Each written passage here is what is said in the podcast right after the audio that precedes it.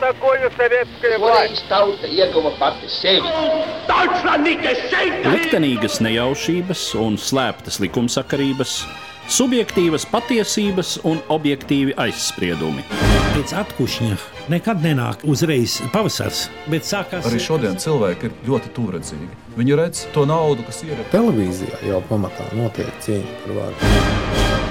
Pagātne no šodienas skatu punkta un šodienas caur pagātnes prizmu. Raidījumā šīs dienas acīm. Katru svētdienu Latvijas radio eterā Eduards Liniņš.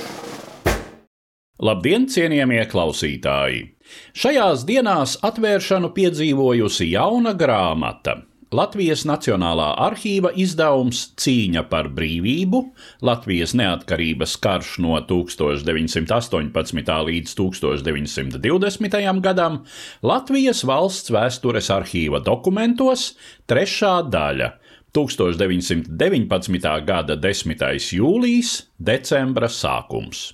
Grāmatā tātad apkopoti dokumenti par Latvijas armijas veidošanos pēc cēsu kaujām un Rīgas aizstāvēšanu pret Bermonta armijas uzbrukumu. Izdevuma sastādītāji un komentāru autori ir vēsturnieki Ēriks Jēkabsons un Jānis Šiliņš.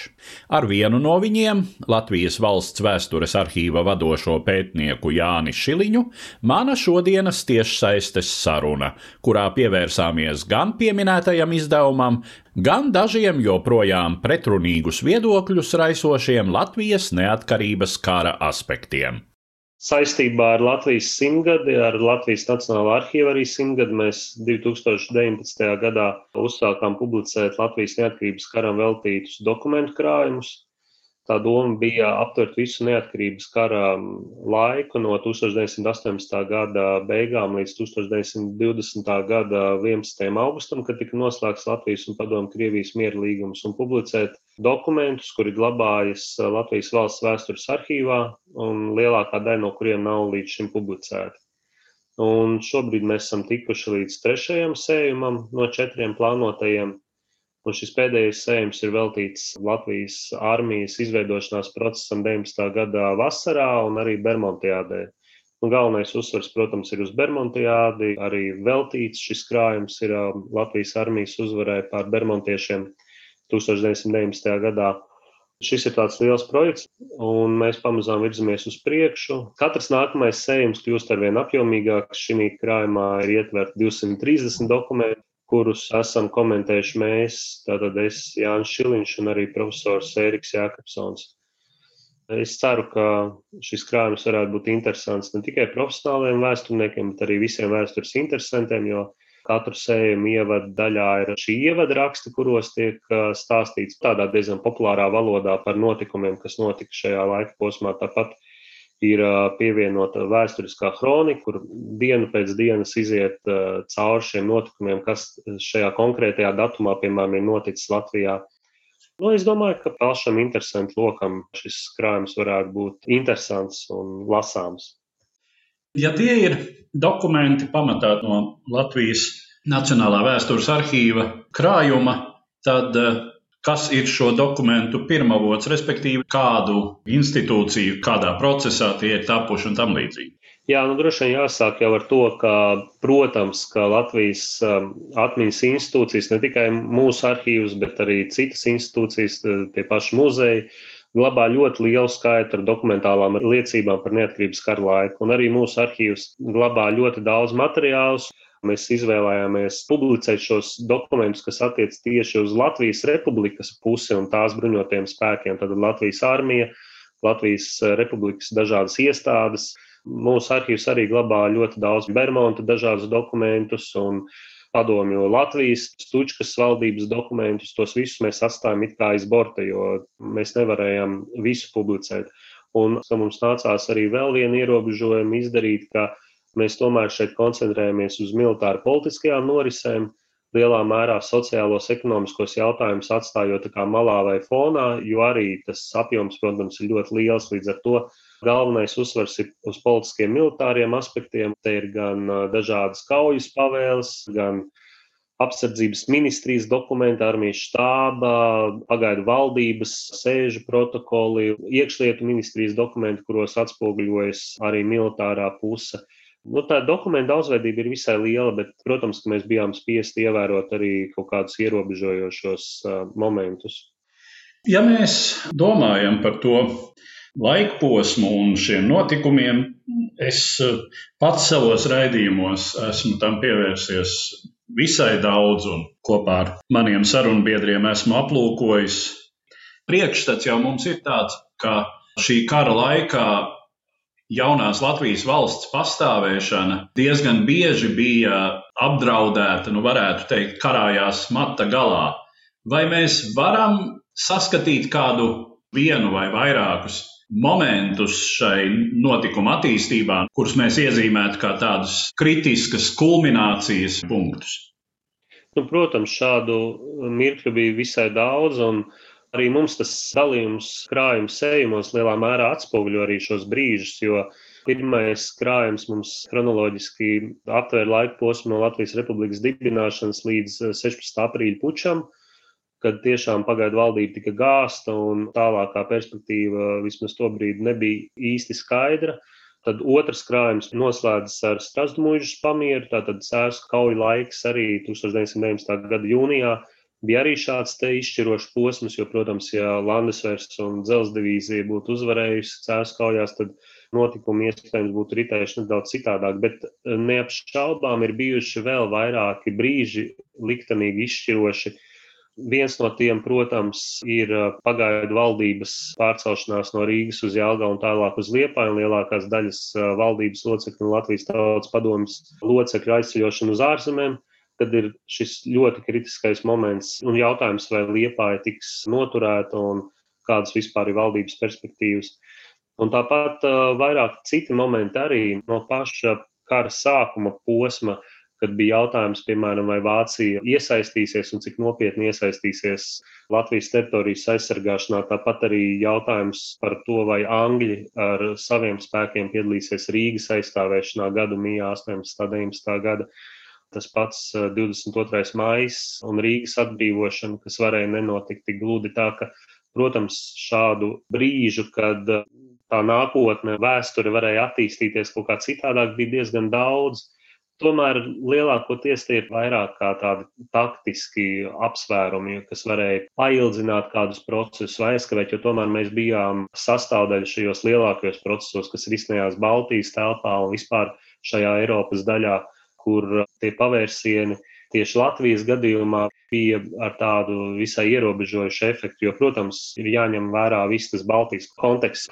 Varbūt varētu būt jautājums, piemēram, kā būtu attīstījušies notikumi Baltijā, tā skaitā Latvijā, ja, piemēram, tā saucamo balto ģenerāļu armijas būtu ieņēmušas Petrogradu vai vispār būtu uzvarējušas Krievijas pilsoņu karā, vai arī, piemēram, ja Vācijā tiešām būtu uzvarējuši komunisti Berlīnē, piemēram, janvārī, vai, piemēram, Vācijas-Polijas konflikts, ja būtu ritējis asāk 19. gada pavasarī un vasarā, varbūt arī tas ļoti būtiski ietekmētu šī kara gaitu.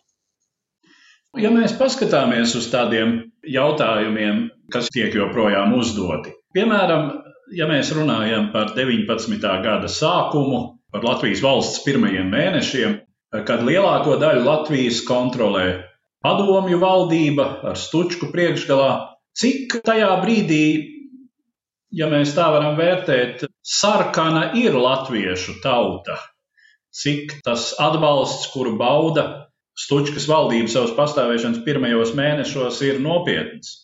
Nu, protams, mēs to objektīvi nevaram novērtēt. Pie tam es teiktu, ka patiesībā tā situācija visticamākais mainījās ļoti strauji, un to mēs arī redzam. Jo jau, piemēram, martā, kad tiek pieņemta padomju agrārā reforma, tā mēs varētu teikt, izdots dekrets par zemi, tad uh, padomju režīma popularitāte ļoti strauji krītas. Līdz ar to grūti ir pateikt, cik dziļas ir šīs simpātijas un liels atbalsts, jo tā situācija ir ārkārtīgi, ārkārtīgi neskaidra un ļoti labila. Piemēram, ja mēs skatāmies par to pašu pagaidu valdības bruņoto spēku veidošanos, tūlīt pēc Latvijas republikas izveidošanas, un pat patiesībā arī par pašu Latvijas republikas pasludināšanu, mēs redzam diezgan lielu entuziasmu, kas valda sabiedrībā daudz vietā Latvijas laukos notiek sapulcs par godu Latvijas republikas dibināšanai. Latviešu militārijos formējumos piesakās reģistrējuši tiešām diezgan ievērojams skaits cilvēku, kas ņemot vērā to, ka Latvijā ir divreiz mazāk iedzīvotāji palicis uz to brīdi nekā Pirmā pasaules kara sākumā, kad bija latviešu strelnieku šī brīvprātīgo kampaņa. Patiesībā tie skaitļi pat ir visai lielā mērā salīdzināmi. Un, protams, tur ir jautājums, kas ir svarīgāk vai tas, ka cilvēki tiešām ir entuziastiski par to, ka izveidojas tātad šī nacionālā valsts, vai arī tie ir tiešām tie briesmīgie sociālie un ekonomiskie apstākļi, kas cilvēks spiež, bet varbūt tas ir iet roku rokā. Bet, protams, nāk klāt tādi faktori, kā tas, ka Vācijas šīs militārās iestādes nevēlas redzēt šeit patstāvīgus bruņotos spēkus. Un, starp citu, tas zināmā mērā attiecas arī uz Vācu baltiešu formējumiem, kurus arī ļoti novēloti Vācijas šīs militārās iestādes nolēma veidot un atbalstīt. Un reāli viņi arī ir ļoti sliktā situācijā gadu mijā. Tad nāk otrs faktors - sarkanie strēlnieki, tā sauktie sarkanie strēlnieki, kas tiek pārsviesti no Krievijas pilsoņu kara frontēm, kas ir milzīga loģistisks izaicinājums padomju Krievijai tajā brīdī un tiek izgrūst milzīgi resursi, lai šos latviešu strēlnieku pulkus pēc iespējas ātrāk pārsviest uz Baltiju. Un tas spēlē ārkārtīgi spēcīgu propagandas lomu, jo lielā mērā demoralizē šīs nacionālā karaspēka daļas. Tad ir vēl tāds faktors, ka uz Latviju sūta padomju kaujinieku komunistu, latviešu komunistu grupas, kas principā terorizē vietējos iedzīvotājus. Un mēs arī daudz viet redzam, ka principā šis atbalsts it kā ir nacionālajai valstī, bet patiesībā tās liels bailes par to, kas sagaida šos atbalstītājus. Un mēs arī redzam, ka daudz cilvēku bēg no sarkanās armijas, dodas meklēt glābiņu kaut kur uz to pašu liepāju un tā tālāk. Un visbeidzot, kas ir arī tāds svarīgs faktors, ko nenovērtē parasti, ka padomju valdība un Pēters Stučka nāca ar lieliem naudas līdzekļiem uz Latviju, uz zemi, kas bija izpostīta karā, kur visiem naudas trūka Kārlis Ulmans ar savu valdību izmisīgi meklēja kaut kādus, jeb kādus ienākumu avotus, un šeit nāk Pēters Stučka ar sarkaniem strēlniekiem, kuriem ir pilns ar naudu. Stučka tiek dāsni finansēts no padomu Krievijas līdzekļiem, un tā nav godīga sacensība. Līdz ar to mums ir grūti pateikt, cik šajā visā situācijā ar to latviešu sarkanumu šajā laikā tas ir aprēķins, vai tas tiešām ir tāds entuziasms, jo arī sarkanajā armijā stājas daudz brīvprātīgo, kad tā ienāk Latvijas teritorijā. Un otrs puses mēs redzam arī, ka ir liels atbalsts sociāldemokrātiem, kuri formāli pat pēc izstāšanās no Latvijas tautas padomas ir kā atbalsta šo Latvijas republikas ideju. Līdz ar to šis, protams, paliks, es domāju, arī turpmākajās desmitgadēs un iespējams vēsturnieku paudzēm strīdīgs jautājums, jo to līdz galam tā objektīvi un skaidri nav iespējams atbildēt, bet var redzēt šos dažādos faktorus, kas miedarbojas, un mums tie visi būtu jāņem vērā. Runājot par otru spēku, kas dažbrīd jaunās Latvijas valsts sabiedrotais, dažbrīd tās pretinieks, nu tātad tas ir vācu faktors, un šeit es pirmām kārtām gribētu jautāt par vācu baltiešu spēkiem, un par šo 16. aprīļa puču. Cik šāda dramatiska un uh, ar negatīvām sekām nepārprotami notikuma attīstība bija neizbēgama. Patiesībā tas vācu baltiešu stāsts kaut kad nākotnē būtu tiešām jāizstāsta, jo viņš nav, manuprāt, tā mūsdienīgi no modernām pozīcijām raugoties izstāstīts. Un parasti vai nu Vācu baltiešus demonizē, ka viņi ir visi ļaunuma sakne, kā tas arī notika 20. un 30. gados, vai arī ir tāds apoloģētisms, ka lūk, gandrīz Vācu baltieši ir vienīgie, kas izcīnīja Latvijas neatkarību un ka viņi tiek nepelnīti apdalīti ar uzmanību, bezmaz vienīgi ir cīnījušies pret komunistiem un, un bez viņiem nekas nebūtu. Lai gan, piemēram, arī tāds interesants fakts, ka kad um, sarkanā armija sagrāba Rīgu, tad uh, Latvijas sociāldemokrātijas sastāvā, pēc tam Latvijas komunistiskās partijas sastāvā bija tāda vācu sekcija, kas apvienoja vietējos uh, vācu komunistus, un tajā uzreiz iestājās apmēram tūkstots līdzjutēju. Līdz ar to nav tā, ka vācu baltieši būtu bijuši imūni pret komunismu idejām, tas, protams, tā nebija. Un otrs puses, mēs, protams, nevaram arī vācu baltiešus vainot visus baltiešus kā vienu, jo, protams, tā bija ļoti sašķelta, ļoti daudzveidīga, iekšēji dažāda sabiedrība. Viņi visi, piemēram, būtu atbalstījuši 16. aprīļa puču vai cēlus kaujas, un mēs redzam, piemēram, cēlus kaujās, ka Tajās nemaz nepiedalās kaujaspējīgākās Vācu Baltiešu vienības tā sauktā trieciena nodaļa. Mēs zinām, ka pastāv dažādi konflikti. Nu, ja mēs tā, tā varētu mēģināt nosaukt vācu nometnē, ir šie konflikti starp Landesvēru un Dzelzceļa divīziju, jo, piemēram, Dzelzceļa divīzijai savukārt ļoti nepatīk tas, ka Landesvērs it kā piesavinās šo Rīgas atbrīvotāju godu 22. maijā, bet, protams, ka tur tās saknes konfliktam ir vēl daudz dziļākas. Vienīgi es ar šo visu gribu pateikt, ka tā situācija ap Vācu baltiešiem. Viņi ir uh, daudz uh, interesantāki un daudz uh, niansētāki nekā parasti mēs to vēlamies vai varam izstāstīt. Un gan no vienas, gan no otras puses. Jo patiesībā Vācu baltiešu kopiena bija visvairāk cietusi, iespējams, ebreju kopiena arī, bet Vācu baltieši iespējams pat vairāk, kas bija visvairāk cietusi Pirmajā pasaules karā un arī neatkarības kara laikā, tika ļoti nopietni apdraudēta. Uh, Līdz ar to viņa bija ļoti izdevīgs objekts, ar kuru manipulēt.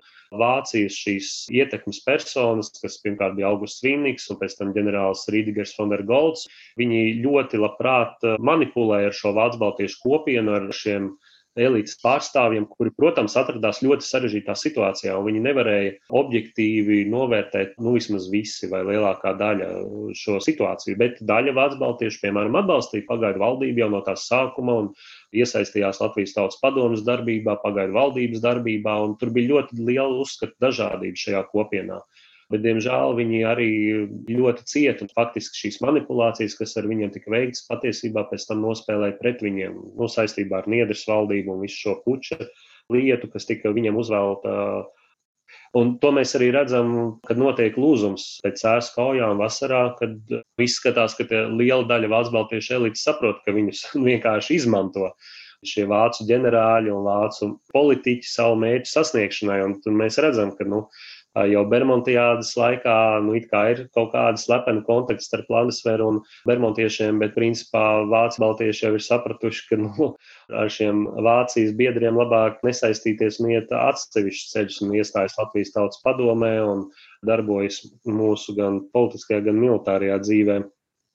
Tāpat dažādi viedokļi joprojām ir par Andrieva Niedras valdību un Andrievu Niedru kā politiķi kā personība tā laika vēstures gaitā, sākot ar tautas nodevēja statusu, kuru pats Niedra it kā ironiski sev arī ir piešķīris, nodēvējot savus memoārus par tautas nodevēja atmiņām.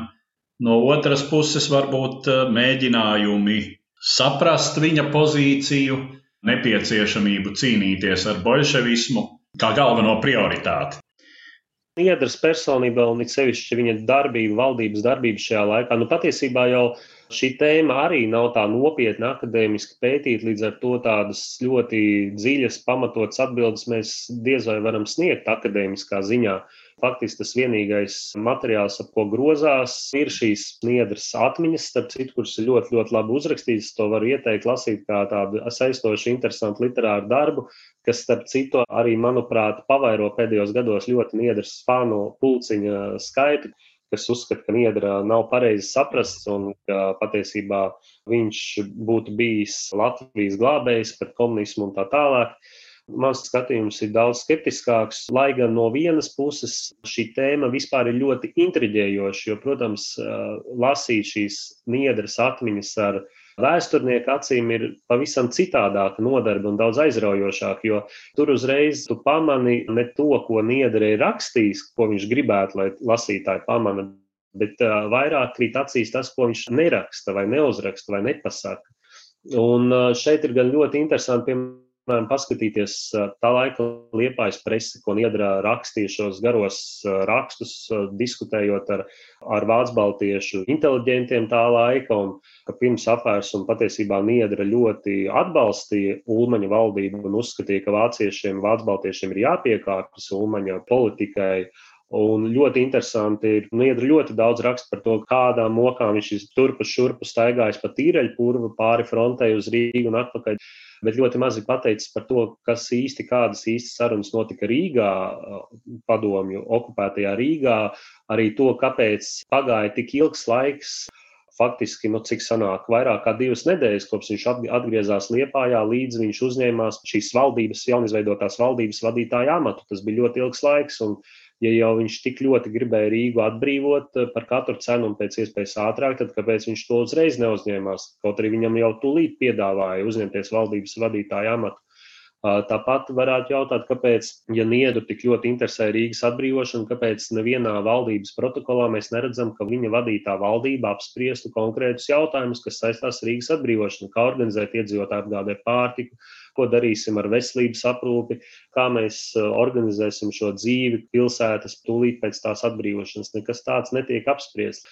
Starp citu, arī jautājums par to, kas notiek tūlīt pēc cēsu kaujām, kā īsti izskaidrot šo niedras ļoti ātro un veiklo aizbraukšanu uz Liepāju, kur viņš visas savas pilnvaras uzreiz nodod sabiedroto militārajām misijām, lai gan līdz tam viņš ir kā lielākais eh, sabiedroto pretinieks un kopā ar vāciešiem. Un Varbūt arī mēs varētu teikt, ka Niedra ir ne tikai latviešu tautas nodevējs, bet varbūt arī Vācijas interesu nodevējs. Tā ka tur ir ļoti daudz uh, interesantu jautājumu, kas saistās ar Niedru, kas vēl droši vien prasīs um, savus pētniekus, gaidīs. Un es domāju, tur arī var ļoti daudz ko jaunu, interesantu atrast. Bet um, nu, mans personīgais spriedums lielā mērā nu, šī brīža situācijā lielā mērā sakrīt ar tā laika tādu neitrālu novērotāju spriedumiem angļu, franču, amerikāņu šo misiju pārstāvju spriedumiem par Niedru, kas viņā saskatīja vienkārši tādu azartisku cilvēku, avantūristu, kuram bija arī nu, tādā varbūt arī pozitīvā nozīmē avantūris. Viņš tomēr bija drosmīgs cilvēks. Acīm redzam, viņam patika adrenalīns, asas izjūtas.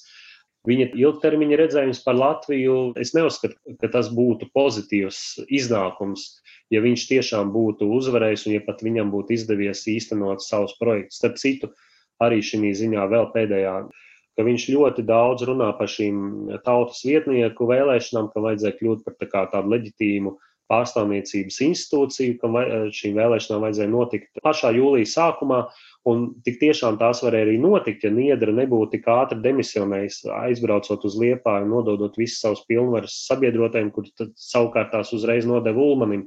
Viņš varēja, teorētiski viņš varēja paspēt šīs vēlēšanas norganizēt, sagaidīt to rezultātus un tad demisionēt. Bet viņš to nedarīja. Un arī jautājums, kāpēc. Tā ka ļoti daudz neatbildētu jautājumu. Es, protams, nezinu, vai tos ir iespējams atbildēt ar tiem avotiem, kas ir mūsu rīcībā šobrīd pieejami, bet jebkurā gadījumā par tiem ir vērts padomāt. Vēl viens tāds moments, kas arī saistās ar neatkarības karu, tas ir zināmā mērā konkurence, varētu teikt, starp baloža brigādi, kas veidojās kā sākotnēji Landesvēra sastāvdaļa, Latvijas zemesardzes, Latviešu vienības un tām vienībām, kas sāka veidoties Igaunijas teritorijā un bija līdz pat 1919. gada vasarai Igaunijas armijas sastāvdaļa. Cik, teiksim, nopietna ir šī konkurence, cik tālējošas ir tās sekas varbūt jau neatkarīgās Latvijas armijas vēsturē? Šis konflikts starp dienvidniekiem un ziemeļniekiem nosacītā saucējumiem, viņš ir labi zināms, viņš ir daudz atspoguļots literatūrā, bet, manuprāt, tieši e, tās kājas vai saknes aug ne tik daudz no 19. gada, 19. gada vasaras, e, cik e, no vēlākiem notikumiem. Pirmām kārtām jau Bermontiādas epopejas, kur Jorģis Zemitāns tiek atstādināts no Dienvidu frontes pavēlnieka amata. Un viss tālāk ir 20. 30. gadi, kur tā sauktie ziemeļnieki, jeb Ziemeļlatvijas brigādes virsnieki jutās daļēji apdalīti savās ambīcijās. Tur tiešām bija tāda ambicioza cilvēka, kā tas pats Pulkvedis Jansons, kurš komandēja Austrumu fronti Cēlā kauju laikā. Bet, eh, ja mēs skatāmies tieši uz tā laika notikumiem, uz Cēlā kauju laiku, patiesībā es arī esmu diezgan daudz par to rakstījis un izteicies, ka patiesībā nu, tas, ko pārmet balodim, šo viņa neutralitāti, ko viņš ievēroja cēlā laikā, gluži jau pilnīga neutralitāte tā nebija. Tā bija patiesībā ļoti labvēlīga Igauniem un Ziemeļ-Latvijas eh, karaspēkam neutralitāte. Un faktiski tā neutralitāte arī beidzās līdz ar cēsu kauju izšķirošās fāzes sākumu 21. jūnijā, kad Balots deva pavēli par savu kaujas vienību izvirzīšanos austrumu frontē un to nodošanu Pulkveža Jansona rīcībā pret sarkano armiju. Un faktiski tas arī ļāva gan nosūtīt dažādu papildspēku palīgā cēlus kauju un pēc tam jūglas kauju norisē, un arī pat sagatavot operāciju vācu spēku apiešanai tur tālāk no dienvidiem Bauskas virzienā, ja vācieši nebūtu parakstījuši Strasdumuļu pamieru. Un Rīgā šajā laikā, jūnija beigās, notika pat apšaudes starp baložu komandētajiem karavīriem un, un vāciešiem. Un arī vesels viens baložu bataljons pat kauja laikā pārgāja Igaunijas pusē ieņēma tur attiecīgi vienu frontes sektoru, un kad Ziemeļlatvijas brigāde iesoļoja Rīgā kā atbrīvotāja, tur arī līdzās Ziemeļlatvijas brigādes vienībām cērs pulkam soļoja arī šis baložu bataljons, kurš bija pārgājis Igauņu pusē nebija nekādu tādu lielu konfliktu. Protams, vienmēr, jebkurā armijā un jebkurā kolektīvā, nu, būs kaut kādas rīvēšanās un kaut kāda aizvainojuma. Starp citu, pirmajam jau balodim bija aizvainojums par to, ka armijas virspavēlnieks Simonsons vēlējās piešķirt viņa komandētajai jaunu izveidotajai divīzijai kārtas numuru divi, nevis viens, jo bija sākotnēji domāts tātad Zemitāna brigādē, no kuras tiek izveidot šī vidzemes divīzija, piešķirt tātad pirmo kārtas numuru būtu pirmā vidzemes divīzija un otrā kurzemes divīzija, bet Balodim izdevās panākt, ka tomēr to numerāciju maina, jo lūk, nu, viņš pamatoja to, ka lūk, viņa vienības bija pirmās, kas tika saformētas, Ziemeļlatviešu vienības tātad formējās nedaudz vēlāk Igaunijā un tā tālāk. Starp citu, arī vēl viena īsa piezīme par to pašu balodu. Nu, nemaz neizskatās, ka viņš vismaz 19. gadā skatītos ļoti greizi uz tā sauktiem ziemeļniekiem. Nu, viņš to pašu Valdemāru Ozolu pieaicināja par operatīvās daļas priekšnieku virspavēlnieku štābā kad viņi izstrādāja kaujas plānu pret bermontiešiem, lai gan Ozols bija ļoti pretrunīga persona un viņš bija ziemeļnieks. Arī to pašu apini pulkvedi, kurš nebija pakļāvies baložu pavēlēm un gribēja pāriet ar savu vienību pie ziemeļniekiem. Viņš arī iecēla par vienu no kaujaspīgāko pulku komandieriem, kas piedalījās Bermontiādē. Tā kā nu, tā situācija nav tik traka, kā pēc tam viņi izvērsās 20. un 30. gados, kur, protams, bija šīs iecelšanas politika, varbūt nedaudz apdalīja um, šos ambiciozos ziemeļniekus, bet tajā reālajā vēsturiskajā situācijā nu, nebija tik traki, kā tas vēlāk parādās atmiņās un dažādos rakstos. Noslēdzot mūsu sarunu, tas motīvs, kas tevis teiktajā jau vairāk kārt izskan, proti, ka būtu rakstāma pamatīgāka Latvijas neatkarības kara vēsture. Kad šāds darbs varētu tapt un kādi ir tie priekšnoteikumi? Man liekas, ka patiesībā jau tas, ka top šāds dokumentu krājums, ar ko mēs sākām mūsu sarunu, ka tas ir ļoti nopietns pamats tam, lai tiešām kaut kad nākotnē arī kāds vēsturnieks varētu uh, spērt soli tālāk un mēģināt varbūt izstāstīt šo visu neatkarības kara stāstu jaunā gaismā.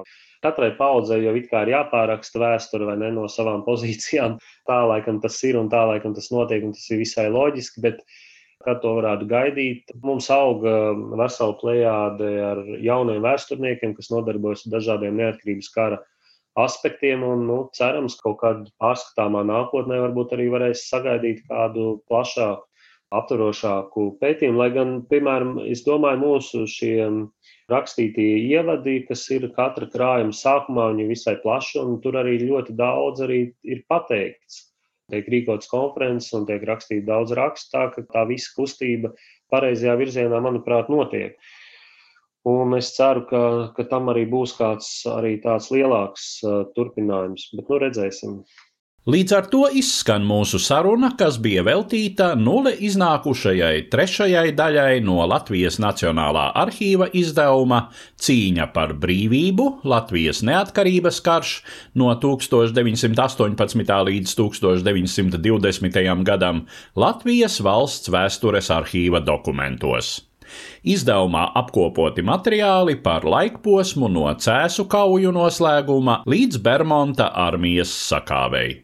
Mans sarunbiedrs tiešsaistē bija vēstures zinātņu doktors, Latvijas valsts vēstures arhīva vadošais pētnieks Jānis Šiliņš. Uz redzēšanos, cienījamie klausītāji! Katru svētdienu Latvijas radio viens par pagātni sarunājas Eduards Liniņš.